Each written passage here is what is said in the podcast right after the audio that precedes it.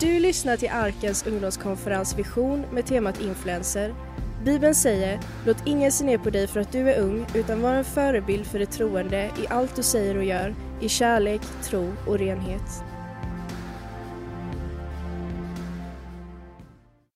Eh, undervisningen idag kallar jag för eh, Express your worship. Express your worship. Jag vet inte om du... Eh, måste det heta på engelska? Ja, det behöver det verkligen inte göra. Men eh, om man skulle sätta en svensk rubrik så skulle det vara alltså, uttryck, uttryck din tacksamhet. Uttryck, eh, visa din kärlek. Eh, så här är det. Lyssna på det här citatet. Lovsång behöver ha två ingredienser för att det ska kallas lovsång. Nummer ett, kärlek till Gud. Nummer två, ett uttryck av den kärleken. Tar du bort en av de ingredienserna, då är det inte lovsång. Enligt Bibeln, den bibliska definitionen av worship, tillbedjan, lovsång, det är att det finns en kärlek i ditt hjärta till Gud, men också att kärleken demonstreras, visas, plockas fram. Om den inte plockas fram, utan hålls bara på insidan, då har du inte lovsjungit. Eh, och tvärtom, om det bara är en show, om det bara är yta liksom, men det finns inget innehåll, då är det inte heller lovsång. Jesus säger, detta folk ära mig med sin mun, men deras hjärtan är långt borta från mig. Det är inte lovsång. Eller så kan det vara så här ah, att politisk korrekthet, vad folk tycker och tänker om att lyfta händer, hur man gör grejen i kyrkan, vad, vad tycker folk om jag väsnas lite för mycket och så här. Om det då begränsar, då har man gått och gjort människor till sin Gud och inte Gud till sin Gud. Det här är, alltså det är sant. Att, att, att, respekt, att, att älska Gud mest betyder att jag respekterar Gud mer än vad människor tycker. Om jag respekterar vad människor tycker mer än Gud, då, då, då dyrkar jag inte Gud mest, då dyrkar jag människor mest. Då är människofruktan över gudsfruktan i mitt liv. Och därför är det jätteviktigt att vi som är kristna, vi som går till kyrkan och vill gå med Gud, vi visar vart skåpet ska stå. Vi vill prisa Gud. Vi bryr oss inte vad andra tycker. Tjo tjo bror! Hej! Gud vill att hans folk ska vara kända för expressive worship. När folk kommer till kyrkan, då känner man glädjen. Man ser att folk är glada här liksom. Det är inte bara att man håller sin beundran till Gud på insidan, utan vi är människor som vågar visa den. Glädje i Herren ska vara er starkhet, säger Nehemja 8.10. Glädje i Herren ska vara er starkhet. Vilka är vår, vår starkhet? Jo, i, i motgång och mot, eh, medgång. Vi är, vi är glada i Gud. Glädje är ingen känsla, glädje är ett beslut. Jag kan bestämma mig att hålla en bra min när det är surt. Är du med? Jag kan bestämma mig att liksom le när jag inte känner för att le. Och det är inte liksom att man är så ytlig eller så här, eh, hycklar, typ. Att man låtsas liksom utan man gör det för ett större syfte. Till exempel så här, inför, om, det, om det är något så här, jag behöver sprida en god stämning i det här rummet. Ja, men då behöver jag step up och skita i mina känslor och vara en man i det här rummet. Förstår du? Ja. Så när du kommer till kyrkan på söndag, bestäm dig att inte krypa till grottan du kommer ifrån. Bestäm dig att step up och prisa Gud. Aha. Nu blir jag lite lurad här. Allting, all, jag bara, allt jag säger är jättebra. Ja. Vi ska inte vara tillbakadragna, vi ska inte vara försiktiga. Jag har rest fett mycket i år. Vet du vad jag bara eh, gör en konklusion? Det är att kyrkan är alldeles för tyst. Det är alldeles för tyst i bänkarna. Det är alldeles för få som prisar Gud. Det, varför då? För man är så försiktig. Jag fattar att vi är olika personligheter, men på något sätt behöver du visa din kärlek till Gud. Om du aldrig visar din kärlek till Gud, då kommer det hända någonting med din kärlek till Gud. I ett äktenskap är det så här, om man inte visar sin uppskattning till varandra, då, då svalnar kärleken. Då händer det någonting i relationen. Men om du vill behålla ditt äktenskap bra, i din relation bra, med egentligen alla relationer, behöver visa någonting för att kärleken ska leva. Hör, från Guds sida ändras aldrig hans kärlek till oss. Men våran kärlek till honom påverkas om vi aldrig hittar utlopp för vår kärlek till honom. Om jag aldrig uttrycker vad jag känner för honom, då kommer det hända någonting med min kärlek till honom. När jag uttrycker för min fru Charlotta att jag, jag tycker om henne, jag älskar henne. Jag bara, Habibi du är min älskling. När jag säger sådana här grejer, när jag, när jag pussar på mina barn, det händer något med mig gentemot dem. Och så är det, det är därför det är viktigt att lovsjunga. Om jag engagerar mig i lovsång, då händer det något med min kärlek till min Gud. Därför är det viktigt. Okej, okay, så Eh, eh, eh, psalm 89, 16. Saligt är det folk som vet vad jubel är. Herre, i ditt, de vandrar i ditt ansiktes ljus. Saligt är det folk som vet vad jubel är. Jag undrar vilken tribe som kan jubla mest. Jag gör kaos idag. Hey. Det är alldeles för tyst på den sidan. Jag vet inte om... Vänta, vänta, vänta. Nu, nu, jag vill bara höra den sidan, om de har somnat där borta eller inte. Vänta, får vi bara höra hur de jublar inför Gud? Okay, Lukas 17. Lukas 17. Jesus gör tio personer friska. De var spetälska och de är tio stycken och alla vill ha helande. En av dem, alla blir friska, men bara en går tillbaka till Jesus och tackar honom. En av tio. Eh, ja, vi kan läsa i vers 15 om honom. Eh, och när en av dem såg att han hade blivit frisk vände han tillbaka, prisa Gud med hög röst och han föll ner för Jesu fötter och tackade honom. Man kan säga så här, han verkligen visade sin uppskattning. Eller hur? Han ramlar ner, han ropar, han lyfter händer, han böjer, alltså han, han verkligen liksom. Men hör nu, var det passande att göra så i den kulturen? Verkligen inte. Alltså om du vet den judiska historien, så här, liksom kultur, kulturellt, man beter sig inte så här, ja. Alltså du, du, du, är, du är en apa om du gör så där. Är, är, du med? Du, du beter dig inte så här. Du visar respekt. Ja, det är, mannen, det är påven här, brorsan. Vad håller du på med, bror? Du håller inte på att kasta dig och skriker och håller på så här och visar din hud. Vad är det här? Skärp dig, ja! Visa respekt! Så här. Men den här mannen, han visste inte hur han skulle hantera sina känslor. Han bara kastade sig på Jesus. Och Jesus erkänner den personen och säger, varför är det bara han som kommer? Så uppenbarligen är det inte alla kristna som visar sin tacksamhet. Uppenbarligen är det en minoritet, men jag undrar om vi skulle kunna vara en minoritet här som bara sätter en ny trend i varje kyrka ni kommer ifrån. Jag hörde att det är fem, 57, 57 städer, alltså jag fattar ingenting. 57 städer, det är typ så här, två från varje eller någonting. Men, så här, men ni fattar va? Om det nu är 57 städer i Sverige som är representerade i det här rummet. Om det nu är 57 städer. Om varje person skulle bestämma sig och ta det här till sin kyrka. Alltså förstår ni vad vi skulle göra med hela, hela pingsrörelsen? Fattar ni? Är det bibliskt att ropa? Är det bibliskt att med hög röst eh, hålla på och kasta sig i backen? Och är, det, är det här är det här normalt bror? Är det här normalt? Jag skulle säga att det här är den bibliska kulturen av att tillbe. En kvinna kommer till vår kyrka en gång. Hon frågar mig efter mötet, ursäkta, jag ser dig när du prisar Gud, du lyfter händer, du rör dig, ja du kan inte sitta still. Och så säger hon, eh, är är de här uttrycken du gör, eh, liturgin, det kallas liturgi, Eh, är de här uttrycken du gör, är de bibliska eller är de amerikanska, eh, förlåt, är de, är de eh, protestantiska eller är de amerikanska? Så frågade hon mig. Då sa jag till henne, de är inte amerikanska, de är inte, de är inte protestantiska, de är bibliska. Så att jag lyfter händer har ingenting att göra med om det här är en pingkyrka, eh, Livets ordkyrka, eh, ortodox kyrka. Det har ingenting med vilken kyrkogren det är. Det är bibliskt att prisa Gud. Det är bibliskt att visa sina känslor. Det är bibliskt att plocka fram sin hjärtats lovsång och visa den. I eh, i Gamla Testamentet finns det elva ord i hebreiskan som är de vanligaste orden för tillbedjan. Sju av dem är de absolut vanligaste och jag skulle vilja visa er nu alla sju på hebreiska vad de orden betyder och att alla sju har fysiska inslag i sig. Det är helt sick.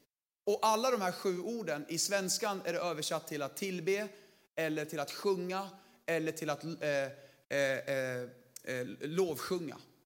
Alla de sju orden på hebreiska betyder något helt annat. Bibeln skrevs inte på svenska. By the way. Ja. Eh, sju, sju ord. Här kommer de. Är ni redo eller? Du som är smart, du som är smart, du antecknar de här sju. Eh, nummer ett, här kommer det första, det hebreiska första ordet då för tillbedjan i Gamla Testamentet. nummer ett är toda. Vi säger todi. Todi. Todi betyder tack egentligen, men toda betyder en a thanksgiving choir. Det här, ofta är det översatt i svenska bibeln till att lovsjung, lovsjung, lovsjung. Men det betyder egentligen en kör av tacksamhet. Med andra ord, det är inte tyst, det är en mullrande kör som i kör, i enhet prisar sin Gud. Nummer två är barak. Barak betyder att böja knä i tacksamhet. Ser ni att båda hittills har fysiska inslag? Det första är att det är högljutt. Det andra är att man fysiskt går ner på sina knän för att visa underkastelse till sin Gud. Att jag böjer mig, jag, jag, visar, jag böjer mitt hjärta, jag böjer mina knän inför dig min Gud och jag säger Gud led mig du, bestäm du. Kör du bilen, typ. Böja knä i tacksamhet. Nummer tre är tehila. Eh, att det här betyder att sjunga sånger av tacksamhet. Det är mycket viktigt bror att uttala det här rätt. Inte tequila, utan tehila. Om du har sjungit efter en tequila, då har det inte varit worship, jag bara säger det. Tehila är att sjunga i tacksamhet till Gud. Att sjunga, att uttrycka, att inte bara vara tyst i bänken och ha armarna i kors och eh, vänta, du får väl, Gud om du vill med något då får du väl komma. Nej, nej, nej, plocka fram det du. Um, nummer, nummer, nummer fyra är den mest intressanta tycker jag och det är mhalel. Eh, det står halel men det uttalas mhalel. Kan du prova? Mhalel. Sätt ett M före. Mhalel. Mhalel. Mhalel. Vi, eh, Eh, I min, alltså jag är asyl, och eh, i vår kultur, i våra fester, vi gör mhalel väldigt ofta. Eh, alltså när vi jublar över någonting, när vi vill fira någonting, då gör vi den grejen. Narin hon är redan på gång. Vill du demonstrera för hela rummet hur halal görs? Jalla habibi, jalla kör! Okej. Okay. Exakt så. Exakt, exakt, exakt, exakt. Så de här gre- det här ljudet min bror här precis gjorde, det är att göra mhalel. Varje gång du läser ordet halleluja i Saltaren så gjorde man halleluja. Hur då? Man gjorde så här, exakt så här. Det är sant. Vet ni vad ordet hallel, det, det är ordet vi får halleluja ifrån. Vet ni vad det ordet betyder på hebreiska? Det betyder att jubla över Gud på ett dåraktigt sätt inför människor. Det är precis vad det är. Ni skrattade när jag gjorde det. Det kändes där, vad håller du på med liksom? Vet ni vad det säger mig? Kyrkan ska inte vara tyst. Kyrkan ska vara jublande, glad i motgång och medgång. Vi, vi, vi sätter inte vår förtröstan på ups and downs eller liksom om Gud svarar på bön eller inte. Vår, vår förtröstan är inte på något, vår förtröstan är på någon. Vi söker inte helande, vi söker hela ren. Om Gud gör det eller inte gör det, jag kommer aldrig böja mina knän för någon annan Gud än min Gud. Min förtröstan är inte på en sak, min förtröstan är på en person. Och personen heter Jesus. Är du med? Det är inte om Gud ger mig bönesvar eller inte. Vet du, det han har gjort på korset är tillräckligt. Han behöver inte lyfta ett finger mer för oss. Men han är så god, i sin fulla godhet så vill han göra allt för dig. Det räcker vad han har gjort. Det är nog. Herre, din nåd är mig nog, sa Paulus. Men ändå är han så god och bara öser varje dag över oss. Mhalel. Okej, okay, nummer fem, yada. Det betyder att lyfta sina händer faktiskt. Det är bibliskt att lyfta händer guys. Så när du lyfter dina händer i kyrkan, när du tillber Jesus i kyrkan och lyfter dina händer, då ska du tänka, det här är bibliskt. Du kan känna dig stark och ha ett gott självförtroende i det jag gör är bibliskt. Eh, nummer, eh, nummer sex, zmar. zmar. Eh, glöm m egentligen. Det uttalas här, zmar. Det, eh, det betyder att egentligen eh, Eh, använda musikaliska instrument för att eh, prisa Gud. Och på den tiden, stackars jag, jag och stackars kyrkan på den tiden, de hade bara ett enda instrument. Det hette shofar. Oj, oj, oj vad det lät illa. Alltså det lät så, har ni sett shofar? Googla shofar. Det finns några som håller på med dem där fortfarande. Så här, det är så här, en krokig så här, horn typ. Och så blåser man så här. Och så låter det typ så här. Det är det enda ljudet som var i kyrkan. Ja, så här,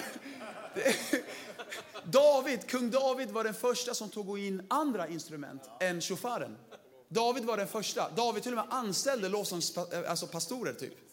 Det är sant. Han, hade, han tog in trummor, han tog in eh, cymbaler, han tog in eh, massa olika instrument för att det skulle bli en mångfald i hur det låter. Det är sant. Eh, så det enda instrumentet var shofar. Varenda låt, ja, det spelar ingen roll texten. Nu kommer shofaren, är ni redo? Har ni sett så här, det här kontot, Insta-kontot Worship Fails? Alltså det har varit fail hela tiden. Nu, nu prisar vi Gud hörni. Och så. Men tack Gud att det finns många olika instrument idag. Trummor, blåsinstrument och allt vad andra har ska prisa Herren. Djävulen äger inte ett, ett enda instrument. Gud äger allting. Gud har skapat allting. Amen. Sista. Sista, sjunde. Shabach, eh, det betyder att jubla. Eh, ofta på engelska är det översatt shout. Shout. Eh, till exempel står det så här. Shout unto God with a voice of triumph. Alltså jubla över Gud med en triumferande röst. Det är underbart, eller hur? Och kom ihåg nu det här. Oavsett vad som pågår i ditt liv just just nu så ska du komma ihåg en sak. Jesus har övervunnit hela världen. Även om du håller på att förlora din match så spelar det faktiskt ingen roll hur det går i din match. För Jesus har vunnit hela ligan. Och på grund av att vi är med honom så spelar det faktiskt ingen roll om vi lyckas eller inte lyckas. Vi kommer ändå vinna. För att Jesus har redan vunnit. Därför kan du jubla i alla livets omständigheter. Det är nästan mickdropp på den alltså. Catchar du den om jag? Okay. Amen. Jag drog alla de här sju orden tydligt för att visa er, det är helt normalt för oss att tacka Gud, lyfta händer, sjunga högt. När du kommer till kyrkan och lovsångsledaren säger, hej låt oss prisa Gud. Well, låt oss då prisa Gud och inte vara så motvikter mot den atmosfären, utan låt oss lyfta hela rummet i att prisa våran Gud. Det är inte liksom, alltså plattformen gör vad plattformen kan för att peppa rummet att också prisa Gud. Men sanningen är den, vi är alla i lovsångsteamet. Vi är alla tillbedjare. Det är inte liksom nu, nu, nu, nu måste predikanten veva igång mig. Well, tänk om alla kom igångvevade redan till kyrkan. Hur skulle atmosfären vara om inte det bara första raden som äger rummet utan alla rader äger rummet? Jag lovar, vi skulle göra kaos. Jag lovar, vi skulle äga hela Sverige. Jag, alltså varenda en skulle vilja ha kyrkan. Alla, alla ser glädjen. Vet du hur deppiga, hur dåligt folk mår? Och så kommer de hit och så bara, wow, jag vill ha det du har. Varför då? För att det syns på hela din kropp att du har något jag inte har. Men vad blir skillnaden på oss om vi går bara och hänger på huvudet och, är du med? Vår glädje är inte liksom i, i, i, det, i det tillfälliga, vår glädje är i det permanenta, att vi ska till himlen. Amen. Så här, här ska ni få en vers av alla verser i Bibeln för att visa dig hur mycket av de här orden finns i hebreiskan. Psalm 100, vers 4. Psalm 100, vers 4. I den här versen, bara i en vers bror, en, finns det fyra grundtextord av de här sju. Här kommer psalm 100, vers 4. Gå in i hans portar med tacksägelse. Ordet tacksägelse är toda. Eh, gå in i hans portar med toda. Gå in i hans gårdar Eh, med, eh, med lov. Ordet lov är tehila. Eh, tacka honom. Ordet tacka är yada. Och lova igen, då tänker man sig att det måste vara samma ord som ovanför. Det är det inte, det är barak, hans namn. Nu ska jag läsa de uttrycken inbakade igen. Kolla hur det egentligen står i Bibeln. Hör. Här kommer min version, typ. Eller den versionen med de inbakade. Gå in i hans portar med, med att tacka Gud i kör. Och in i hans gårdar med att sjunga lovsånger. Ära honom genom att lyfta dina händer och prisa honom genom att knäböja inför hans namn. Det är det versen säger. Visst blir det annorlunda? Än att bara lova, ära. Nej, böj knä, visa, visa, böj. Matteus 5, 14. Here's another way to put it. You're here to be light. Bringing out the God colors of this world. God is not a secret to be kept. We are going public with this. Vi ska, vi, vi ska bli publika med det här. Det här är ingen hemlig grej. Det är ingen garderobsupplevelse. Alla ska få tag på Jesus. As public as a city on a hill. If I make you a light bearer, don't, do you think I'm going to hide you under the bucket? I'm putting you on a light stand. Now that I've put you on the hilltop, on a light stand, shine. Keep open house. Be generous with your lives. By opening up to others, you'll prompt people to open up with God. Alltså, det här är så coolt. När du öppnar upp dig för andra, då, då manar du dem att också öppna upp sig till Gud. Yes. När du är varm i foajén, när du hälsar på människor som kommer till kyrkan på söndag, när du är där och äger, liksom, om, du liksom, om det kommer en ny person, om du hälsar, när du öppnar upp ditt liv för andra, då manar du dem att också öppna upp sina liv för Gud. Tro inte att det bara är predikan som gör jobbet. Allt predikar. Foajén predikar, after church predikar, allt predikar. Det är totalupplevelsen av kyrkan som gör att folk vill säga ja i frälsningsinbjudan. Det är inte bara hur bra predikanten predikar, allt predikar. Allt predikar. Hur vi är, hur vi beter oss, om vi är trevliga, om vi inbjuder folk att sitta med oss, om vi säger till dem så här, inte bara äh, vad kul att du är här, utan också hej, ska vi ta en kaffe efteråt eller ska vi, ska vi fika efteråt? För Det skulle vara grymt att lära känna dig. Du, kan inte du hänga med oss? Vi är ett ungdomsgäng här som ska gå och käka efter mötet. Kan inte du hänga med? Alla de där grejerna bidrar till Guds upplevelsen.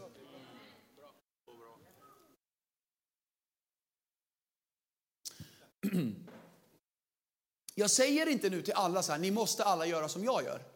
Ni måste alla vara mm, hallel-kristna. Mm, hela tiden, hela tiden. Jag säger inte till alla att alla ska hela tiden böja sina knän. Vad jag försöker få er att göra nu, det är att acceptera den bibliska kulturen av tillbedjan. Och, och sätta den svenska kulturen, eller vilken kultur du än kommer ifrån, sekundärt.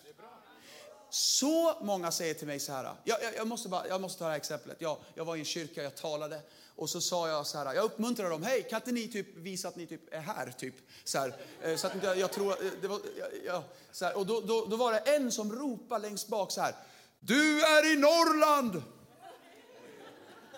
Alltså liksom för att påminna dig att hej, du är i Sverige typ och i Sverige så är vi helt tysta. Och då, sa, då svarade jag så här ganska snabbt och sa så här, jag trodde jag var i kyrkan.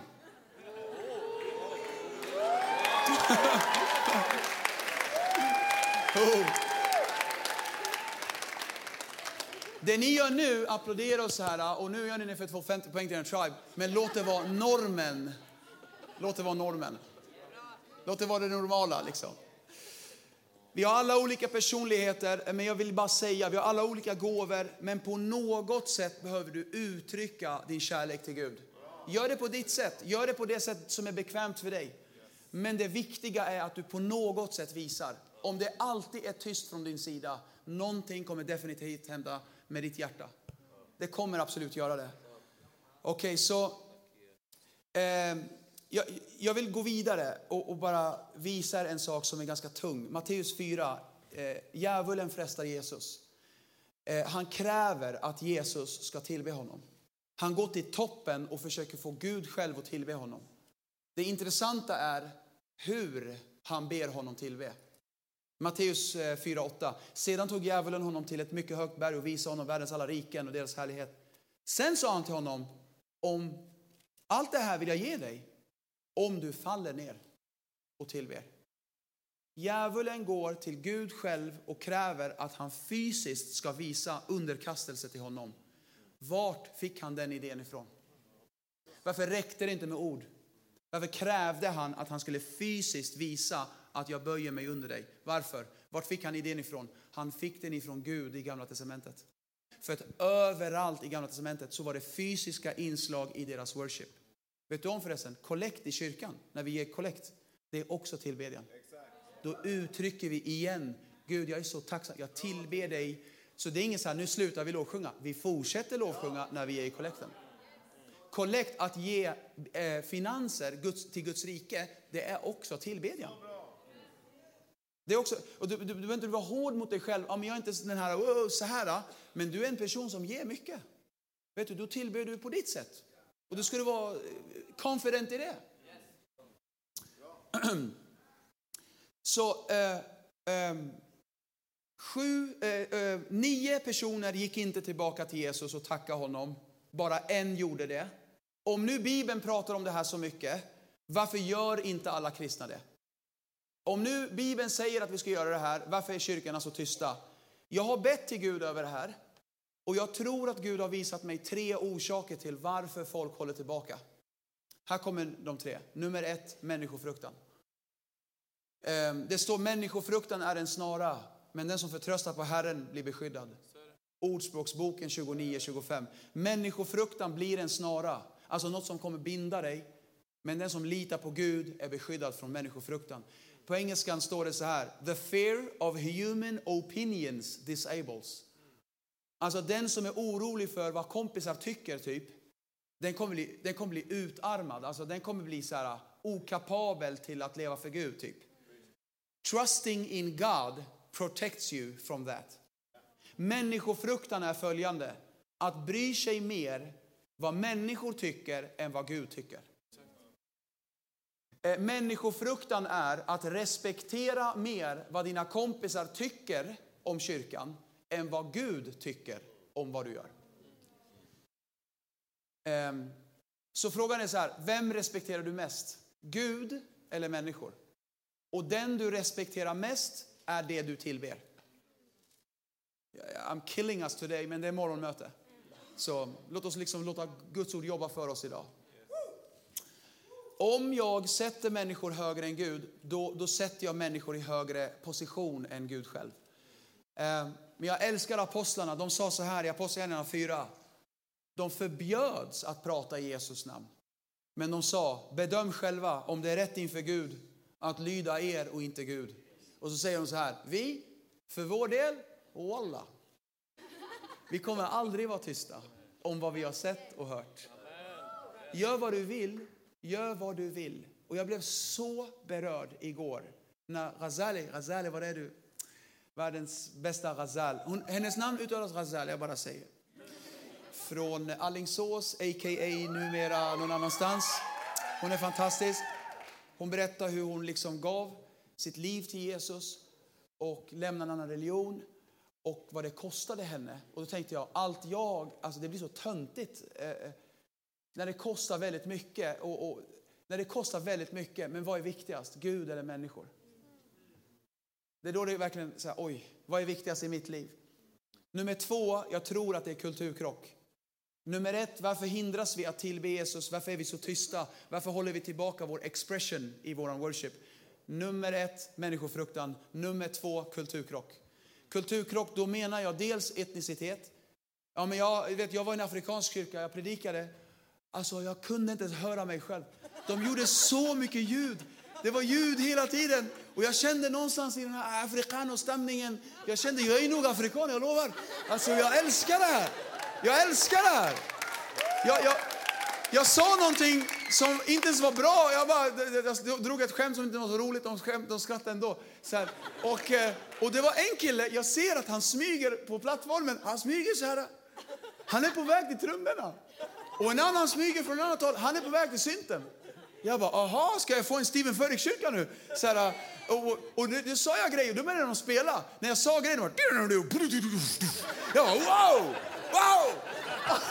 jag, alltså jag blev helt gasad. Alltså det mötet, jag lovar, jag predikat tror jag, i två timmar någonting. Och, och, när jag var klar, oh, you, should, you should have been continuing, sa han. Oh, det där hände för att kolla om alla är vakna.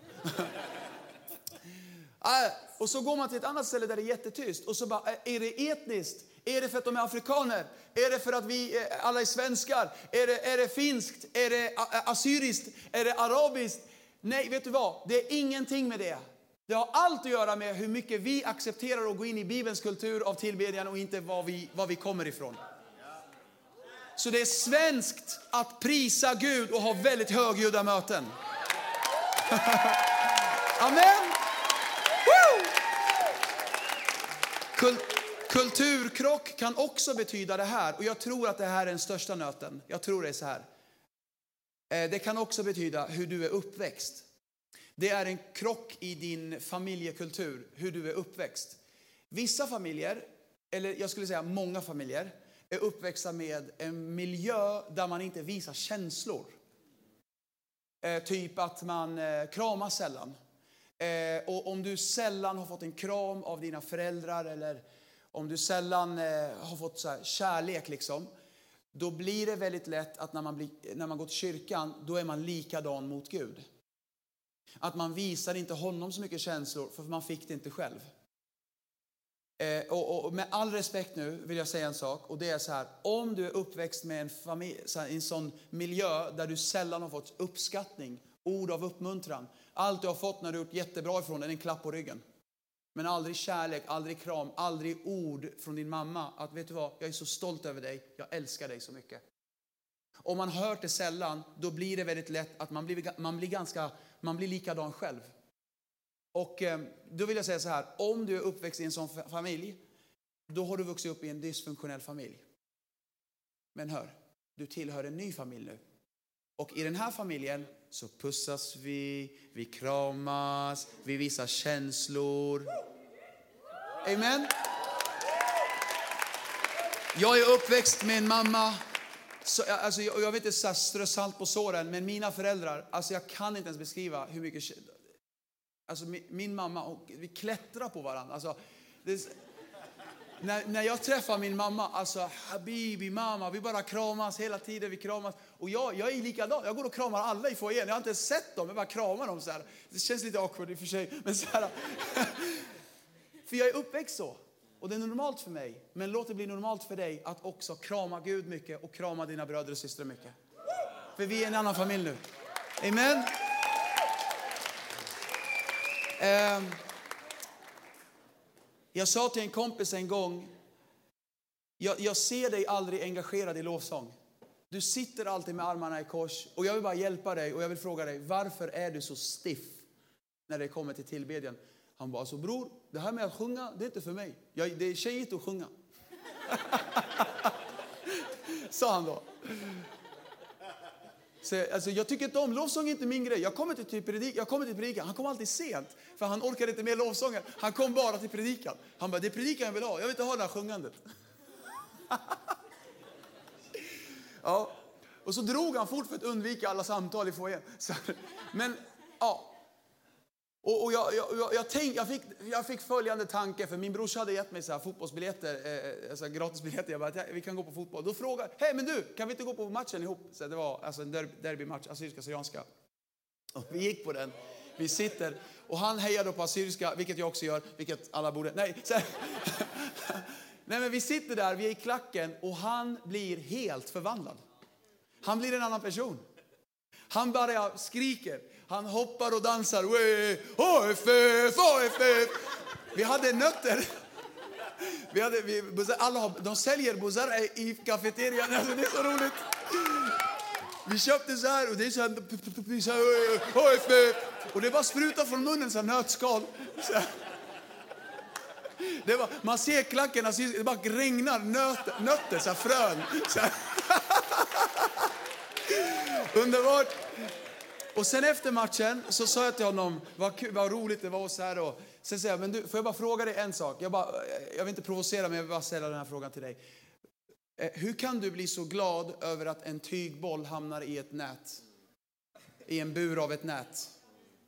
Hur kan du bli så sjukt expressiv i sådana stunder över någonting som inte betyder någonting för din frälsning? Men du, när du är i kyrkan, då kan du inte tillbe honom som har krossat varenda boj över ditt liv.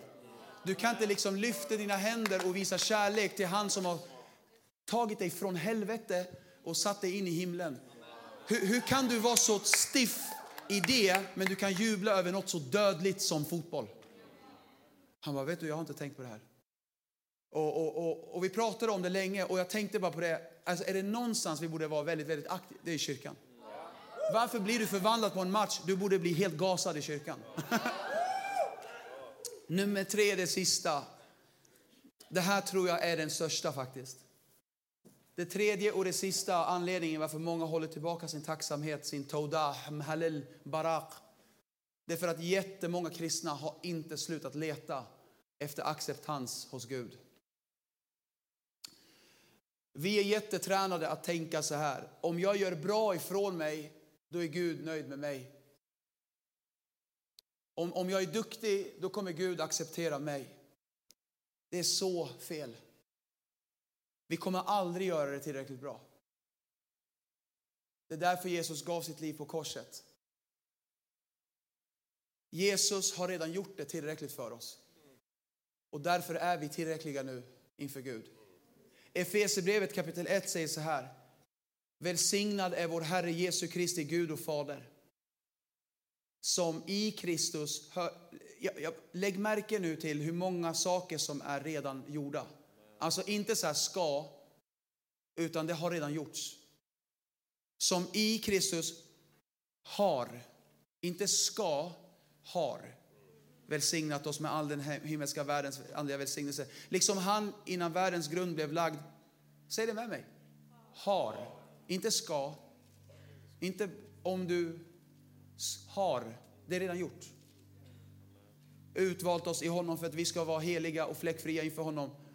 I sin kärlek, säg det med mig, har han genom Jesus Kristus förutbestämt oss till att tas upp som hans barn enligt sin vilja och beslut för att den härliga nåd som han skänkt oss i den älskade ska prisas. Enligt texten är jag redan förlåten. Enligt texten är Gud redan okej okay med mig. Enligt texten är jag redan adopterad, accepterad, inräknad. Enligt texten har Gud redan tagit emot mig, välsignat mig inte om jag är snäll, om jag gör bra jobb, inte en vacker dag om du gör allting rätt. Det är redan gjort. Efesierbrevet 2, av nåd är du frälst. Inte tro. Äh, äh, genom tro, inte av dig själv. Guds gåva är det.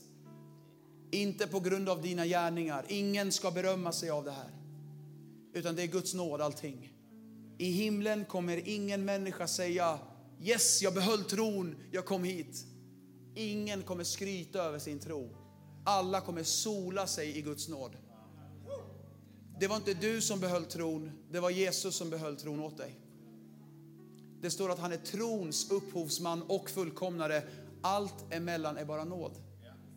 Det är inte så här, oh, jag måste kämpa. För, vet du vad? Gud, han är mer angelägen att du ska behålla din frälsning än vad du är.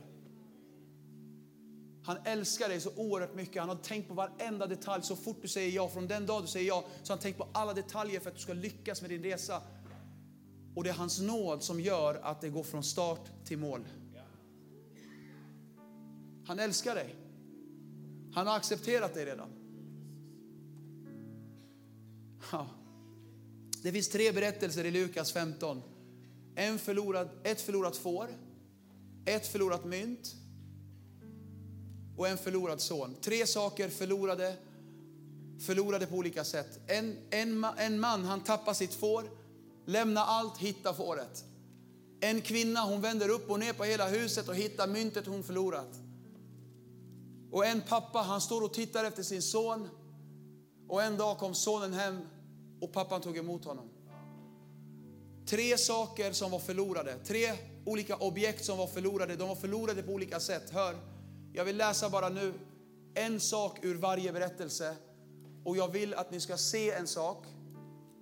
Jag vill att du ska se vad det första var man gjorde när man hittade det man hade förlorat. Vad är det första man gör när man hittar det man har förlorat? Vers 5. När han hade hittat det blev han glad och lade det på sina axlar. Det här handlar om fåret. Han tog hem det, samlade sina vänner och grannar och sa till dem, gläd er med mig, jag har hittat mitt förlorade får. Vers 9, myntet. När hon hade hittat det kallade hon samman sina väninnor och grannkvinnor och sa, gläd er med mig, jag har hittat myntet som jag har förlorat. Vers 22, fadern sa till sina tjänare, skynda er, ta fram den bästa dräkten, klä honom, sätt en ring i hans finger Klä honom, eh, sätt skor på hans fötter, hämta den gödda kalven, slakta den. Vi ska äta, vi ska ha fest, vi ska ha hafle. För min son var död men han har fått liv igen, han var förlorad men han är återfunnen och festen började. Har du någon gång tappat något och så letar du efter det? Typ så här, igår faktiskt, jag, jag, jag sitter och pratar med Anders i lobbyn så här och bara, vart är min mobil? Oh no, jag har glömt den i kyrkan. Så går jag till, ja jag gick till dig Elvira, och, min mobil, det var, ah, just det, den är där. Och jag hittade min mobil. Och ni har alla, ni alla, alla tappat grejer.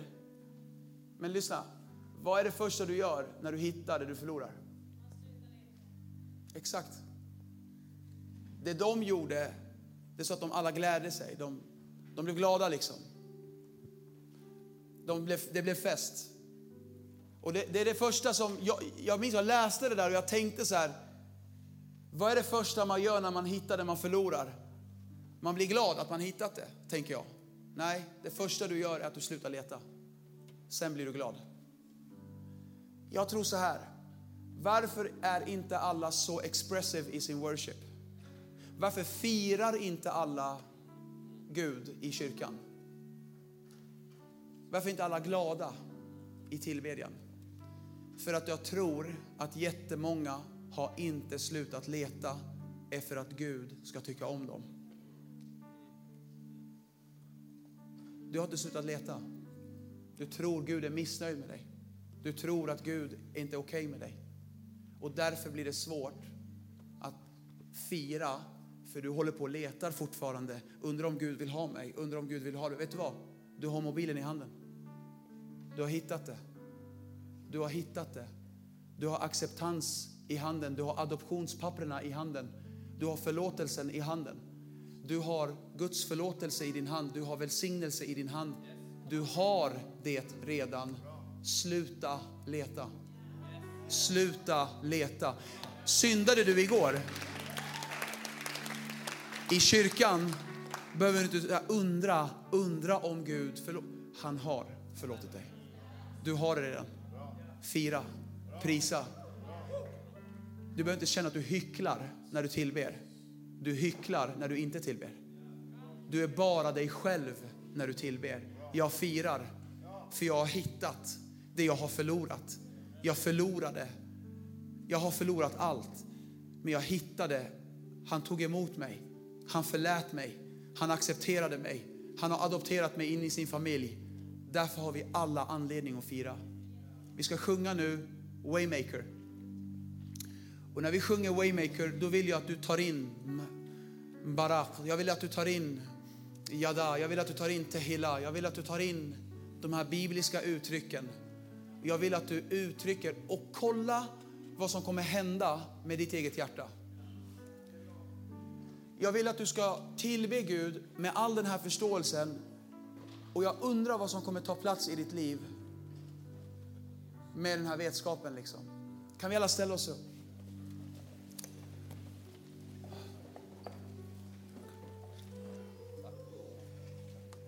Alldeles strax, ni kan förbereda er. Alldeles strax sjunger vi, men innan vi gör det vill jag också säga så här. Jag sa så här att eh, worship är hjärtats kärlek som också visas.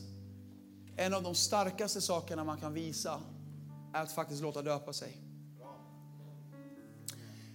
Det är, det, det är då du tar en, en, en relation med Jesus från förlovning till äktenskap. När du är förlovad då vet typ jag, när jag var förlovad med Charlotta, då visste jag och hon, jag friade eh, och, och jag var 18 år. Jag, jag friade där, gick tredje ring i gymnasiet, alla hjärtans dag. Jag gick ner på knä och frågade, vill du bli min fru? Hon sa ja. Det är klart du ska säga ja. Det bli Hon sa ja, vi blev förlovade. Ett halvår senare, ja, typ ett halvår efter studenten, så gifte vi oss. Eh, 7 oktober 2000. Ja, det är många år sedan nu. 20 år sedan faktiskt. 19? Är 19? Ja, typ, ja. Hon älskar när jag pratar om det här. eh, vi sa ja till varandra inför människor. Men när vi var där på bryggan på Malen i Södertälje centrum och jag böjde mina knän, då sa hon ja till mig.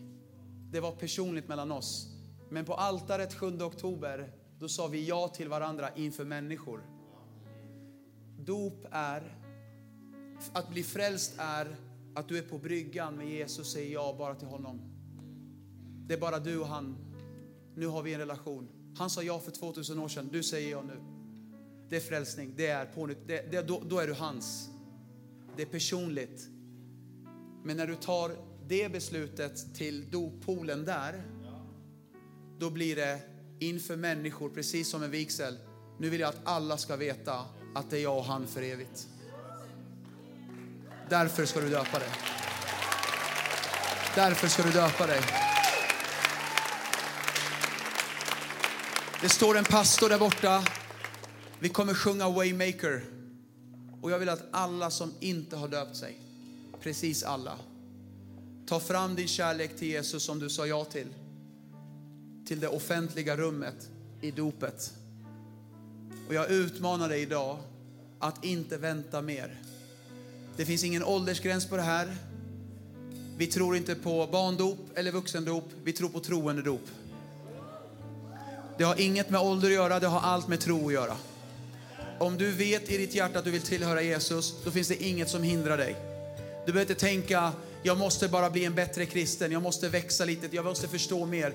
Inte ens Gud har den förväntan på dig. Varför ska du ha den på dig själv?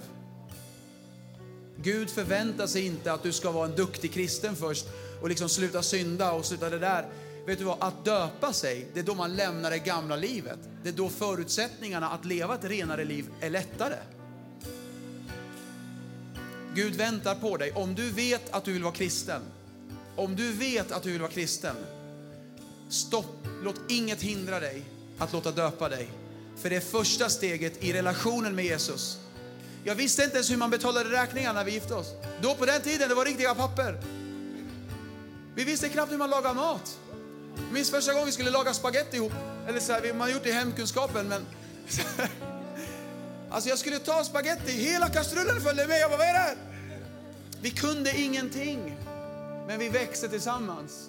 Så är relationen med Jesus också. Jag vet ingenting, jag fattar ingenting i Bibeln. Men du kommer växa. Och det är underbar resa att göra. Så att döpa sig är starten på livet med Jesus. Det är inte examen på ett kristet liv, det är starten på ett liv med Jesus. Amen.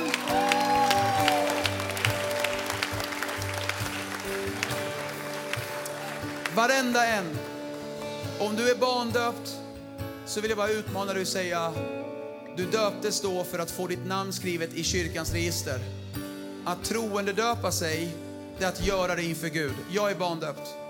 Och när jag var barndöpt och jag tänkte det räckte för mig, då förstod jag en sak och det var, jag var döpt inför människor, men var jag döpt inför Gud? Och jag insåg, jag är inte döpt inför Gud. För att allt som sker utan tro är synd.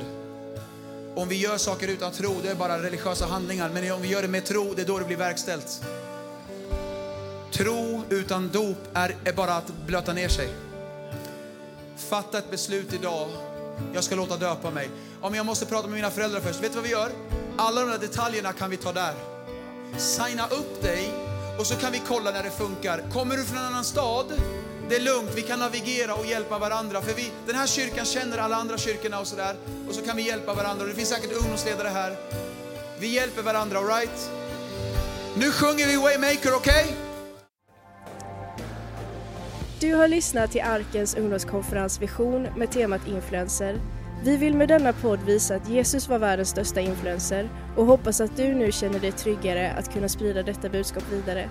Vill du veta mer om oss kan du besöka oss på vår hemsida visionvmo.se.